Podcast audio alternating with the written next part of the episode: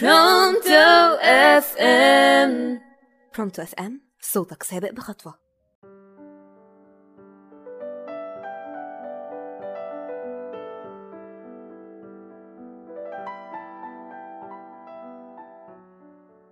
مستمعين راديو Pronto FM أهلا بيكم. معاكم داليا نبيه وبرنامجكم ولا في الخيال على الرغم من إننا في القرن الواحد وعشرين إلا إننا لسه ما زلنا مش قادرين نتخلى عن بعض العادات والتقاليد في حياتنا. اللي ممكن نقول عليها أشبه بالخرافات. وفي حلقتنا النهارده هنتكلم عن أغرب طقوس الزواج في المجتمعات. تعالوا نروح فاصل ونرجع نعرف إيه هي أغرب طقوس الزواج في العالم.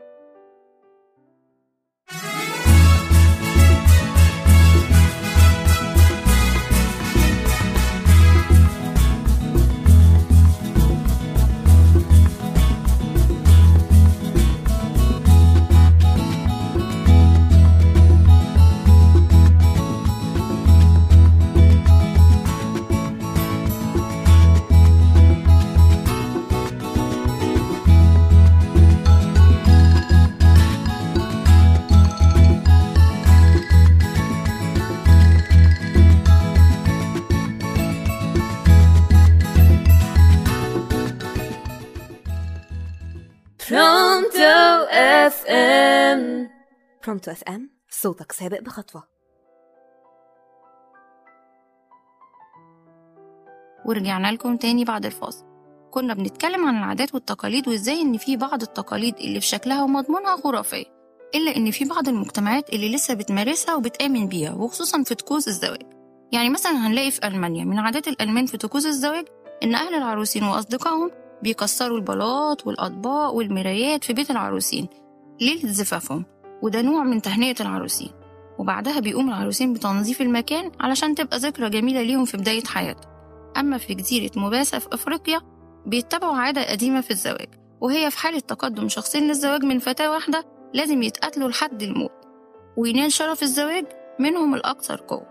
وفي الصين هنلاقي إن العروسة بتطلع على شجرة وأهلها بيكونوا مستنيينها بالعصا من تحت والخطاب بيحاولوا يوصلوا لها بالصعود للشجرة واللي بيحاول يصعد الشجرة بيتلقى ضرب مبرح والفايز هو اللي بيتحمل الضرب ويمسك إيد العروسة ويكون هو زوج المستقبل. أما قبيلة التويجة فالعروسة بتفضل تبكي لمدة ساعة كل يوم بعد إعلان موعد الزفاف. آخر عشر أيام تفضل تغني هي وقرايبها ويغنوا أغنية اسمها الزواج الباكي.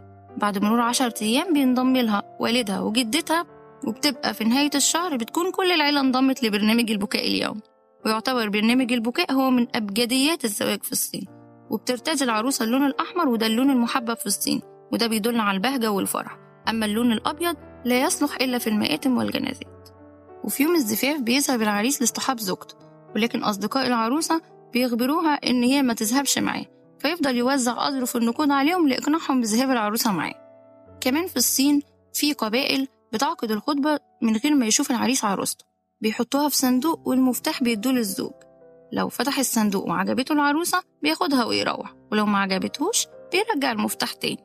أما في الهند هنلاقي إن العروسة أثناء حفل الزفاف بتزحف على إيديها وركبتها لغاية ما توصل للعريس وده بيبقى في قبيلة اسمها تويدا جنوب الهند. وما تتوقفش عند الزحف بس لأ ده كمان بيباركها العريس بوضع قدمه على راسها.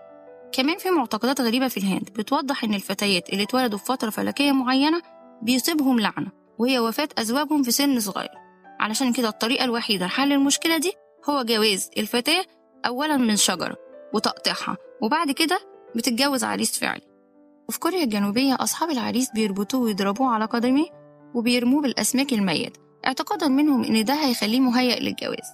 أما في اسكتلندا ففي عادة غريبة جدا.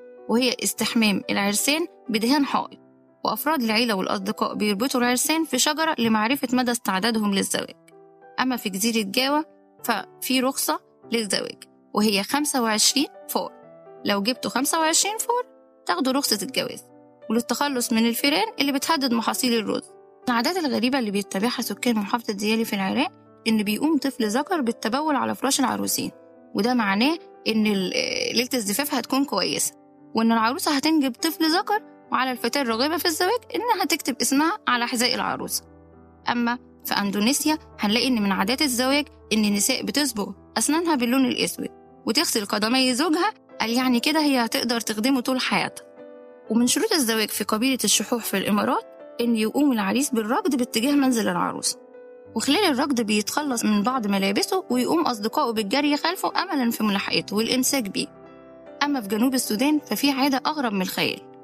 لا يمكن اعتبار المرأة زوجة شرعية للراجل إلا بعد إنجاب طفلين وفي حالة فشلها في كده بيطلقوها فورا. أما في اليونان فالبصق على العروس يوم زفافها فيعتبر فعل حسن في اليونان وتعويذة للحظ الجيد واللي بتبعد الأرواح الشريرة. ولما الست بتكون حامل بيقوم الزوج بحمل زوجته وبيمشي فوق فحم مشتعل ولو نجح بيكمل طريقه. أما لو ما نجحش الست بتتخلى عنه. بيعتبر المشي على الفحم مشاركة معنوية ومساندة لزوجته اللي بتعاني من آثار الحمل ومشقته لمدة تسع شهور. أما في تركيا فبتذهب عائلة العريس لخطبة الفتاة اللي اختارها زوجها لابنه. وبعد الموافقة من أهل العروسة على العريس بتقوم العروسة بتقديم القهوة للضيوف وبتحط ملح للعريس بدل السكر. وطبعا العريس لو شرب القهوة من غير ما يتضايق معنى كده إنه هادي وصبور وبيتحمل مشاكل الحياة وبيحظى بالقبول. وفي مقاطعة تيجونج في بورينو الشمالية هنلاقي إن العرسان بيتمنعوا من دخول الحمام لمدة 3 أيام ودي تالت أكبر جزيرة في العالم متقسمة بين إندونيسيا برونواي وماليزيا. وعشان يحققوا الهدف ده بيتناول العرسان كميات قليلة من الطعام والشراب وبيراقبوهم كويس جدا لأن ممنوع ممنوع إن هم يدخلوا الحمام. وبيتم مراقبتهم جيدا.